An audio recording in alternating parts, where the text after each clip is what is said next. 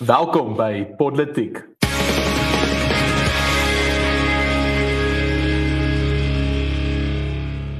Reg, goeiemôre. Uh, my naam is Erns van Sail en saam met my in die ateljee is Paul Marits en uh, Rainer Dievenage en in vandag se episode Jagersfontein saage woed, koningin gegroet en russe boet. Ja, Karel sê dat dit was 'n besige nuusweek, maar in 'n sekere sin, toe ons dit voor die tyd bespreek het, Rainer, toe sê ek vir my die groot ding was met die die koningin en alles wat haar sterfte um omgegaan het.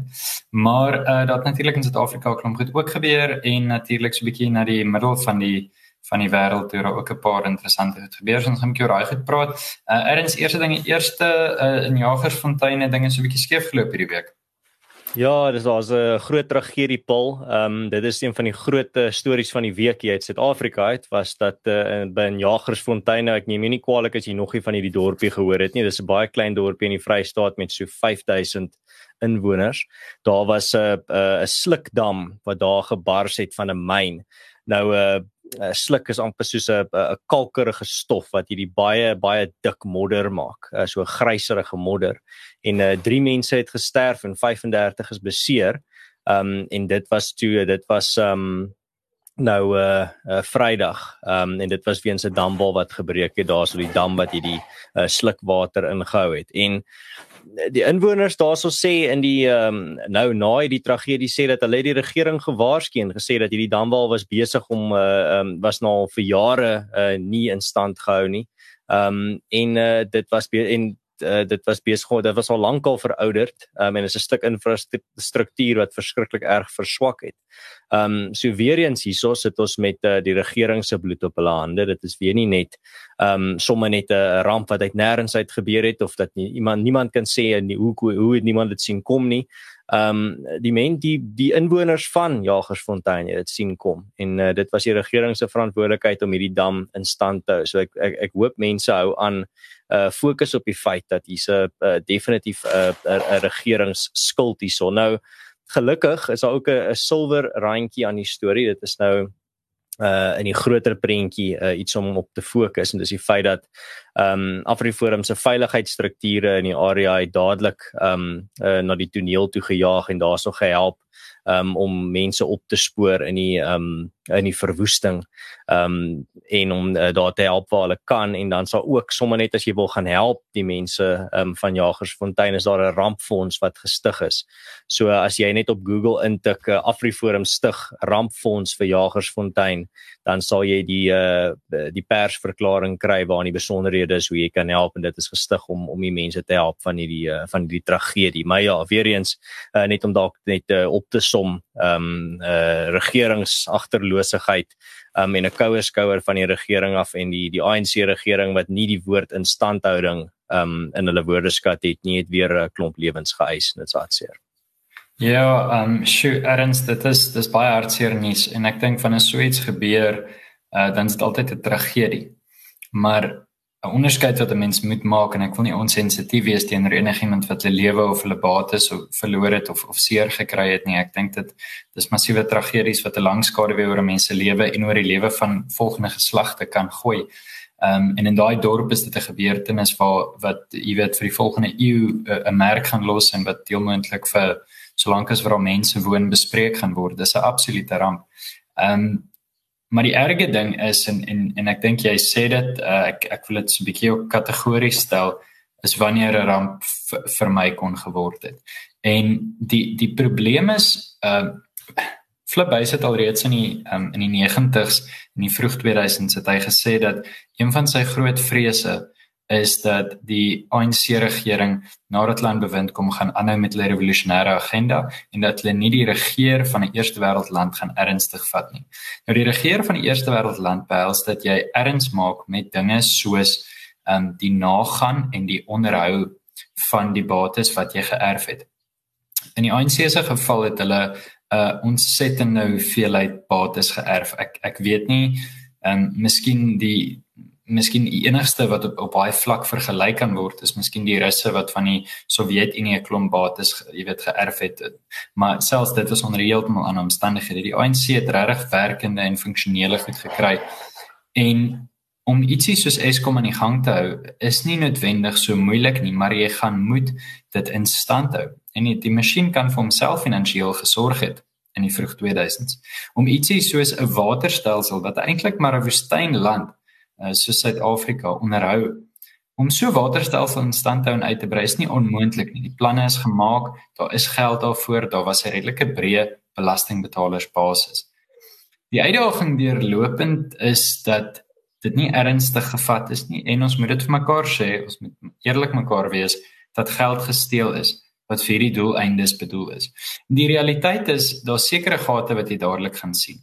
'n Slaggat byvoorbeeld sien jy dadelik en jy raak kwaad daaroor en jy hou 'n protesoptog daaroor. Ehm um, jy raak vinnig kwaad oor 'n hospitaal. Jy raak vinnig kwaad oor ligte wat afgaan. Hierdie is goed wat jy dadelik sien.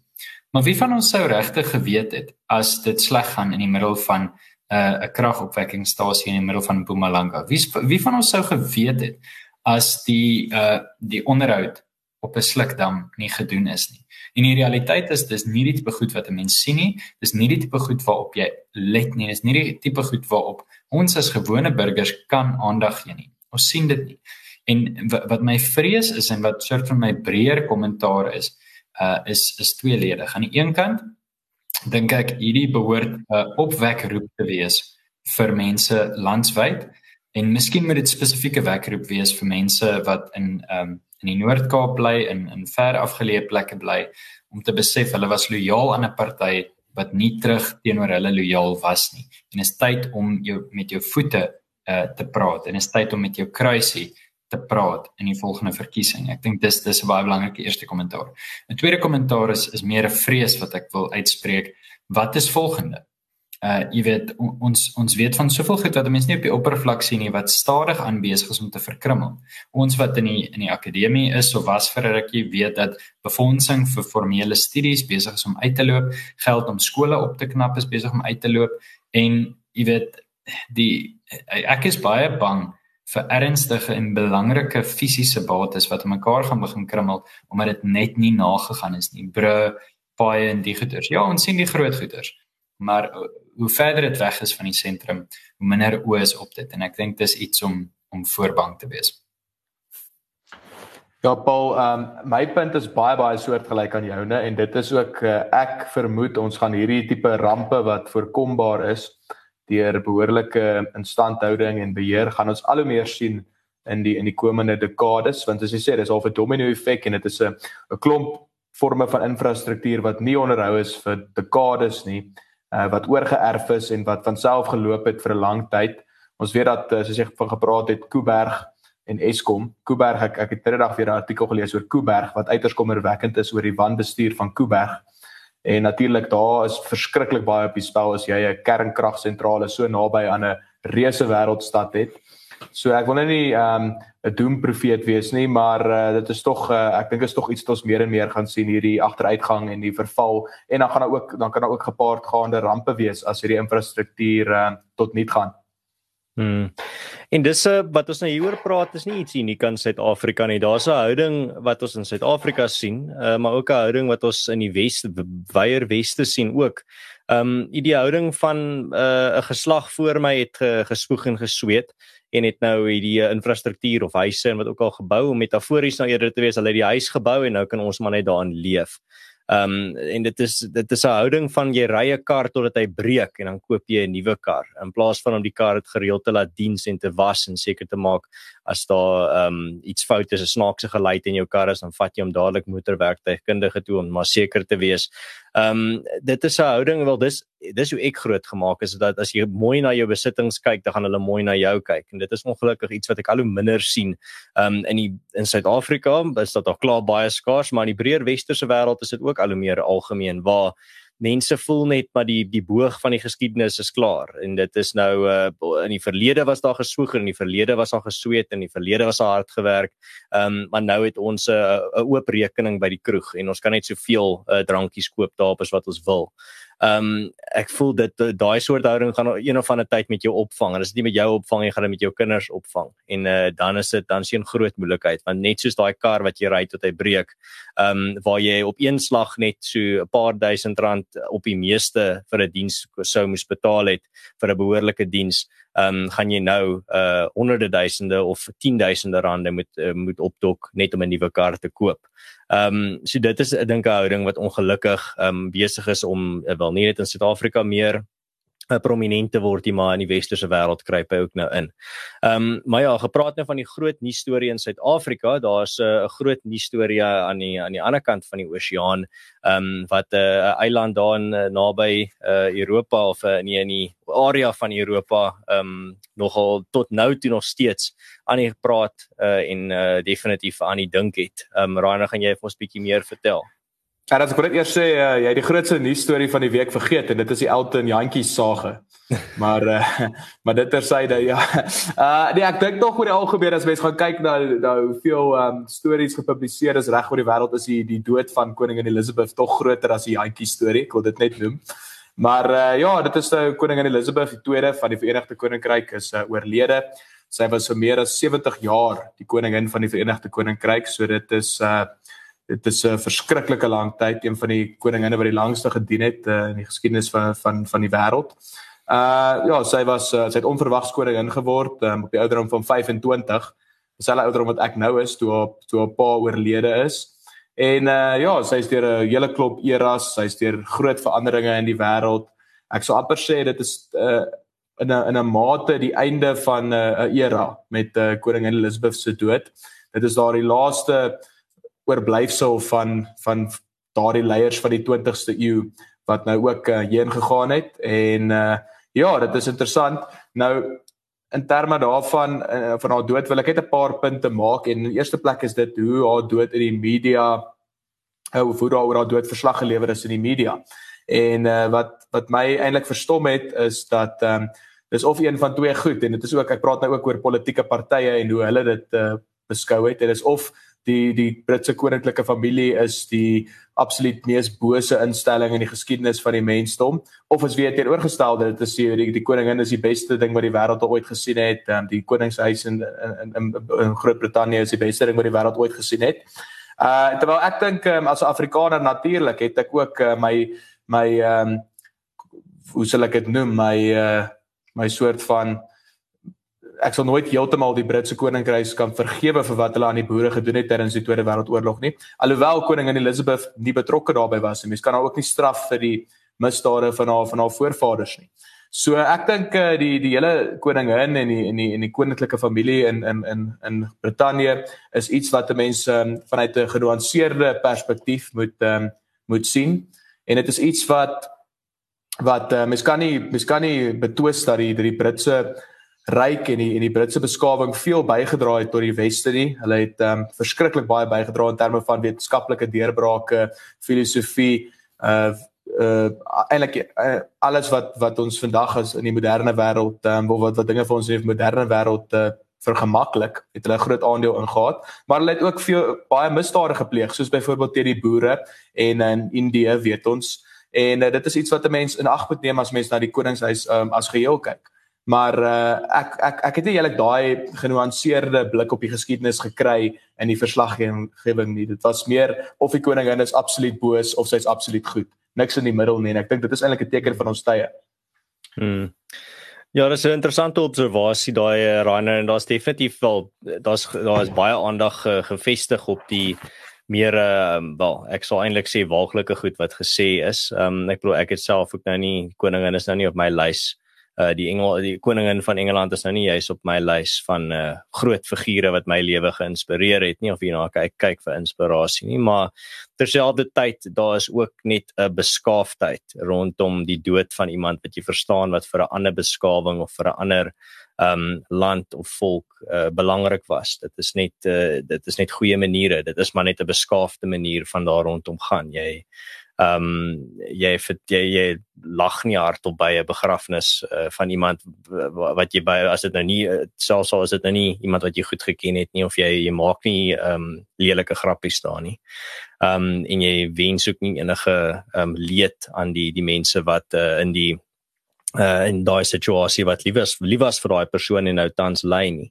Um ek dink daar's iets daar's iets afskuwelik aan dit veral van van die kommentare wat ons gesien het van mense wat gesê het soos byvoorbeeld hulle hulle webwerf gelei aan die einde van haar lewe en um en en so meer. Nou ek dink ons almal almal met 'n uh, almal wat met 'n morele kompas sal weet daar's iets afskuwelik aan dit en dit is dit is onder ons om dit te doen. Ek dink jy het um ek kan nie dink hoe iemand selfrespek het wat um, hulle self so gedra nie. Um eintlik maar barbaars gedra as jy nou regtig uh, frank daaroor wil wees, maar daar's iets anders wat ek ook wil uitlig en dit is in daardie die die van die afskuwelike kommentaar en en vir politisering van uh van hierdie uh die sterwe van uh, Engeland se koningin het is daar daar's 'n dieper tema in dit wat vir my ook nogal steurend is en dit is 'n afwyking en 'n haat en 'n uh, 'n wil om te vernietig van enigiets wat jou vasmaak aan die verlede, enigiets wat jou herinner aan die verlede. Dit is dit was dit was vir my baie duidelik dat baie mense na waar hierdie ehm um, hierdie gebeurtenis gebruik het om eintlik maar net uh die verlede aan te val en om 'n volk aan te val wat trots is op hulle verlede. Ehm um, ek put nie regtig veel trots uit die die Engelse geskiedenis uit nie al het ek um Britse um voorvaders aan my aan my ma se kant. Um Skotse voorvaders nie Engels nie. Maar terselfdertyd dit dit dit staan het my regtig uitgestaan hoe mense reageer nie juis net op die die uh koningin wat oorlede is nie maar spesifiek op die trots van die Engelse wat in hierdie tyd na vore gekom het. Mense het gesê dat hulle eintlik hulle mag nie enigsins hierdie hierdie trots nou nou hê nie. Hulle mag nie ehm um, hulle mag nie 'n liefde hê vir wat die uh, hulle koningin vir hulle gesimboliseer het nie en dat dit afskuwelik is dat hulle dit doen en dat hulle moet skaam wees dat hulle dit doen en dat eerder nou 'n tyd is om jammer te sê vir die verlede en eerder 'n tyd nou is om jou skuld te bely en eerder nou 'n tyd is om jou klere te skeer en as op jou kop te gooi vir die sondes nie van eers van jou voorvaders nie maar die sondes van mense wat voor jou gekom het wat soos jy gelyk het in dieselfde deel van dieselfde kultuur as jy was. Dalk nie as jou direkte ehm um, voorvaders nie.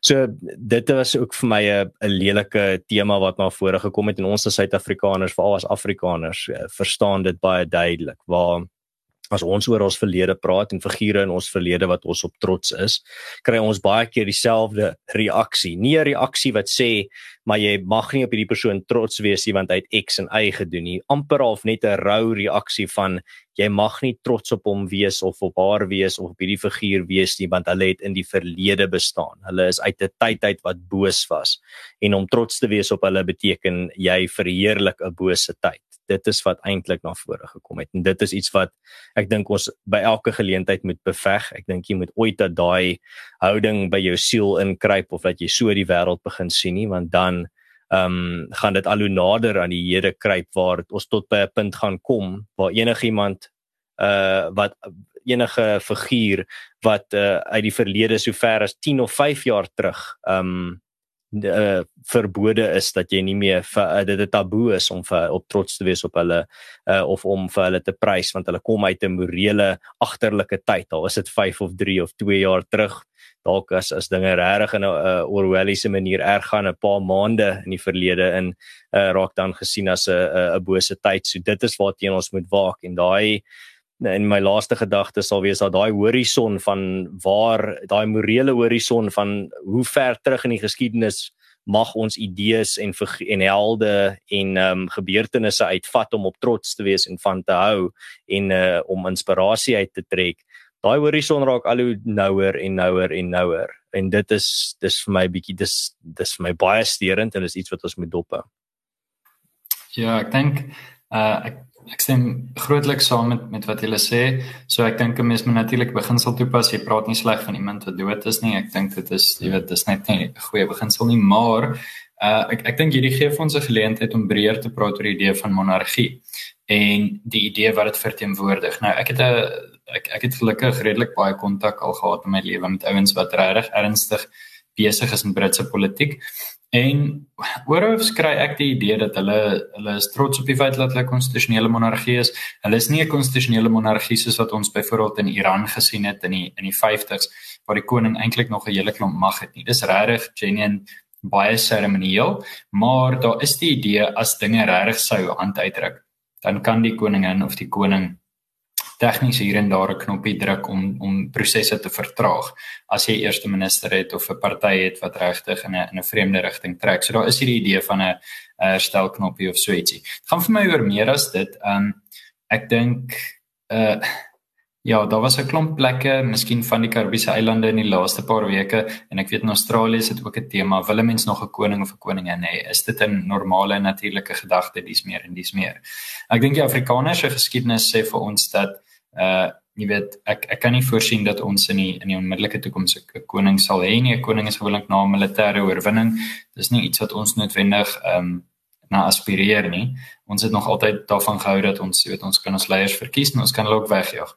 Ehm um, maar jy weet ek dink in, in Engeland is die geskiedenis anders en ehm um, en ek dink dis die belangrikste vir my as mens na die hele konteks kyk. Jy kan nie na enige situasie of enige mens of enige karakter buite hulle konteks kyk nie. As jy, jy weet, en daar's soveel mense wat na Jefferson in Washington kyk en sê my die ouens het slawe gehad. Ja, dit is waar, maar hulle het op die fondasies gebou dat daar nie meer vandag slawerny is nie. Ehm um, hulle het die ruimte gemaak vir dit. Ek het ander dag 'n video van 'n Amerikaner gekyk wat gesê het ehm um, mense sê hulle is nie vry in die weste nie, maar jy kan in die weste standbeelde aftrek en vieslike goed oor die president sê as dit nie vryheid is nie, dan weet jy nie wat is vryheid nie. En ek dink in 'n sekere sin het ek dieselfde gedagte rondom die konteks wat ons moet hê wanneer ons na die monargie kyk. Uh jy weet ek self ek ek vind myself nie heeltemal gelukkig nog steeds met die feit dat die koningshuis nie praat oor hulle eie foute van die verlede nie. Dis 'n bewuste besluit wat hulle gemaak het raak net die Ire, raak net die boere, raak net die skotte. Hulle hulle fokus net nie op die foute wat hulle duidelik gemaak het nie, maar ek ek weet nie dalk verander dit in die toekoms en ek dink ons baie druk op hulle om bietjie meer realisties om te gaan met hulle eie foute. Maar doen hulle dit nie, dit is jy weet dit is so ver weg van my af. Ehm um, my familie is regtig al vir solank as vir daai boere republieke was is my familie eintlik nie meer in die Kaap nie. Uh so ek dink miskien het ek 'n ander konteks uh rondom dit. Ek dink dit is bietjie verder weg. Nee ja, ek dink daaroor kan 'n mens seker vir ewig praat. Ek wil nou nie net 'n klomp uh sede kommentaare maak nie wat my betref. Die geskiedenis is belangrik en as jy uh, mense wat sê die die kroon moet weggaan, is mense wat regtig net 'n bietjie geskiedenis moet lees. Ja, uh Paul, interessante punte wat jy daar maak. Uh ek wil net tog dit is nou 'n bietjie so van koers af, maar dit dat hierdie hele die die die koningin se wat nou oorlede is, het my laat dink ook aan aan leierskap. En uh, ek weet in vandag se tyd baie van hierdie moderne politieke uh bewegings kyk baie negatief terug na die verlede. Na die na hulle wys al die foute uit van sê net maar Thatcher of Reagan. En natuurlik, hulle is menslik, hulle het foute gehad.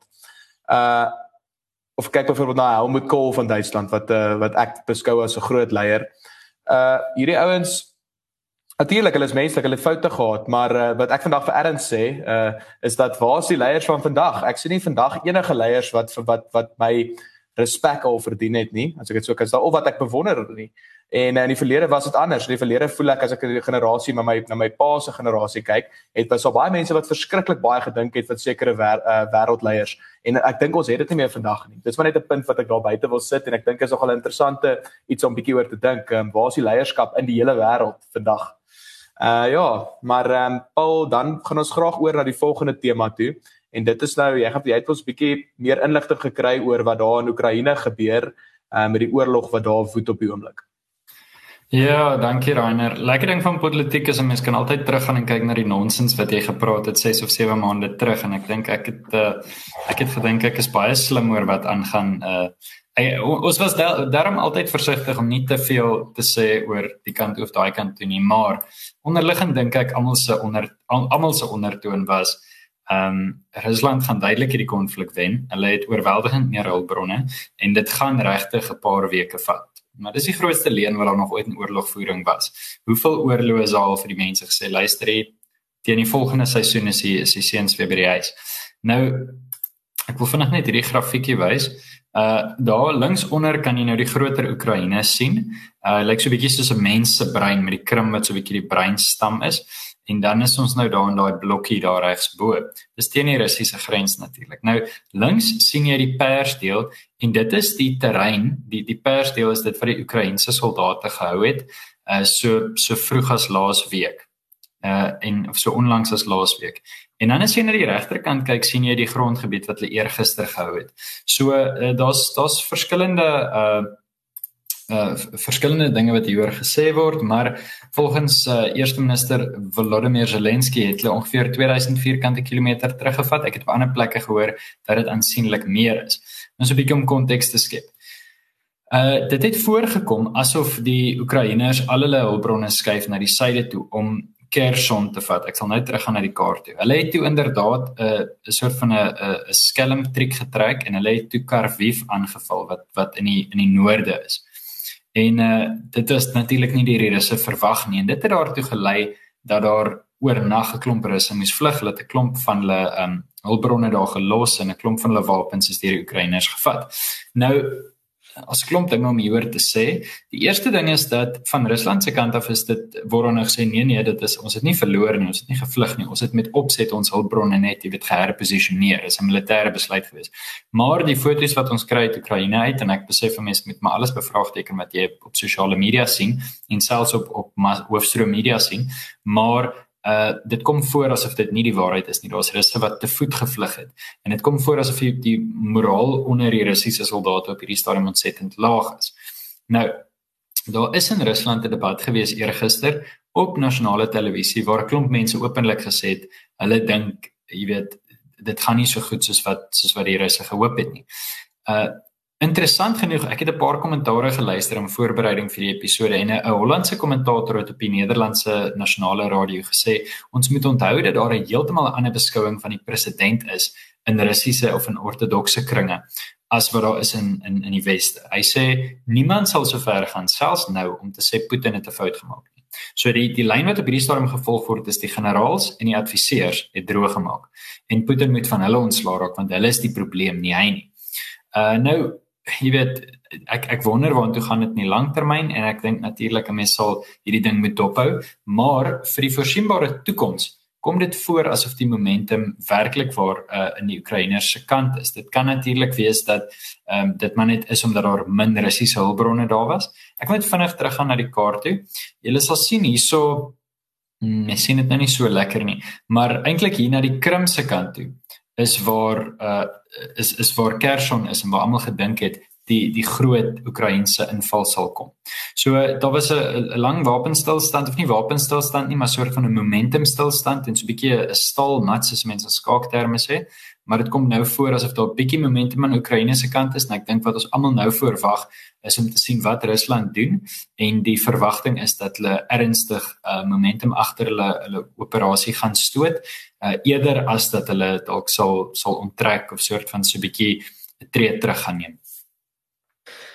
Die ding hierso Paul, ja. Ehm um, as dit maar my groot frustrasie, wel kom ons sê eerstens wat ons hierso sien met die Oekraïense oorlog is dat ons sien vir die eerste keer eintlik ehm um, uh, grootskaalse moderne ehm um, geïndustrialiseerde oorlog uh in die in die sosiale media era waar jy nie moet wag tot môre so koerant uitkom voor jy kan hoor wat op die fronte aangaan en uh, dan weet jy nie eers nog waar jy die koerant se inligting gekry nie. Jy kan letterlik ter duisende bronne gaan gaan kyk, Russiese bronne, Oekraïense bronne, onafhanklike bronne.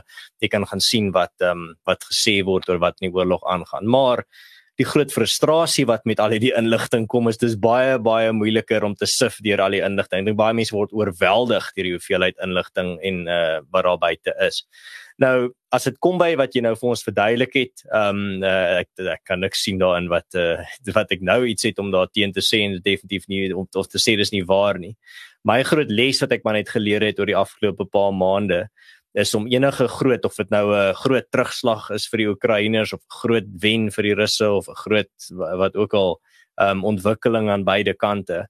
Um, om om baie versigtig te wees om net dadelik dit as die waarheid te sien. Maar soos ek sê, ek sê nie nou hierdie is wat jy nou hier sê is nie waar nie. Die dis meer 'n groot 'n uh, uh, uh, groter prentjie les en 'n groter prentjie ek kyk anders na oorlog na die in die afgelope paar maande. Um, ek het nou eerstaans eintlik oorlogspropaganda uh, van beide kante af ervaar. Iets wat ek toe ek die vorige keer toe ons iets soos dit gesien het dalk um, gedurende die Irak oorlog was ons te jonk om dit regtig uh, te analiseer met uh, met groot mensbrille.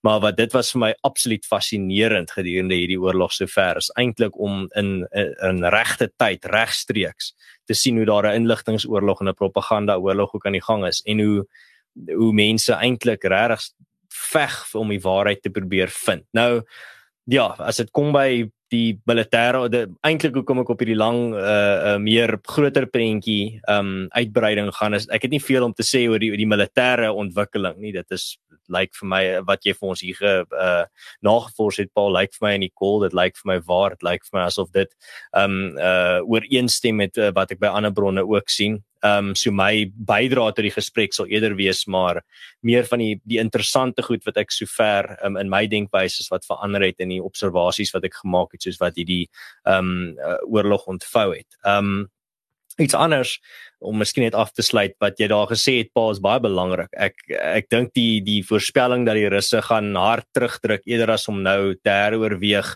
um, is amper 'n sekerheid aangesien die die koste van verloor en vernedering in hierdie oorlog vir hulle is net te, dit is katastrofies hoog ehm um, dit sal absoluut vernietigend vir hulle wees as hulle hierdie oorlog sou moet verloor en sal moet absoluut en, en moet terugval uit die die groter deel van Oekraïne uit.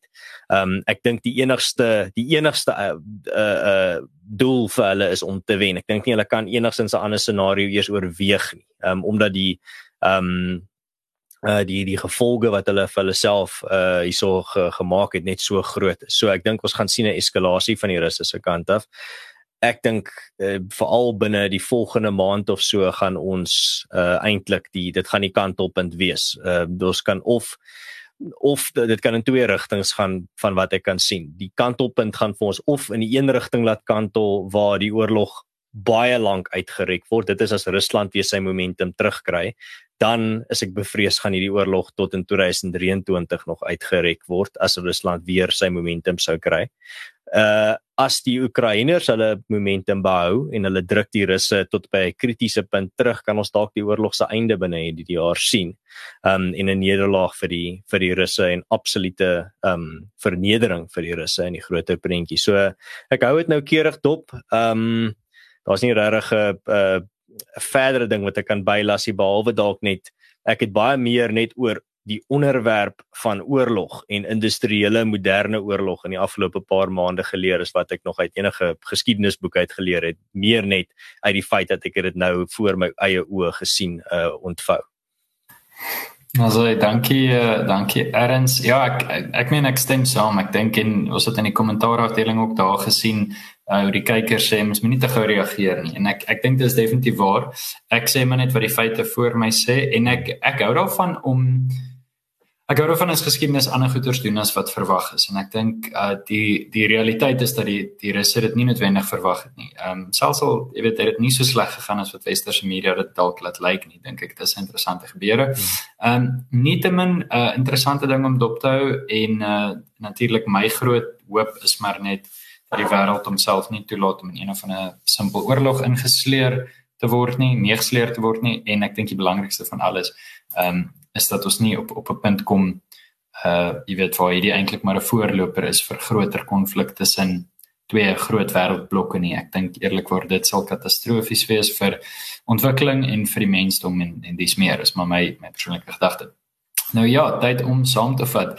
Uh ons het eintlik in in studente debat hierdie reël die laaste spreker mag nie nuwe inligting gee nie want dan iemand tyd maar op te reageer nie so hoop my hulle stem saam met wat ek sê. Nou ja, soos uitgewerkte dieetkundige programme vir die Springbokke in Argentinië is hierdie episode vir eers ook verby.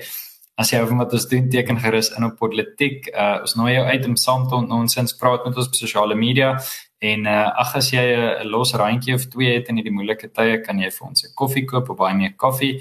Jy kan ons ondersteun op Patreon of as jy ons sien in Buffelsfontein kan jy net vir ons Samira bier koop. Dan tot volgende keer, uh dan gesels ons dan.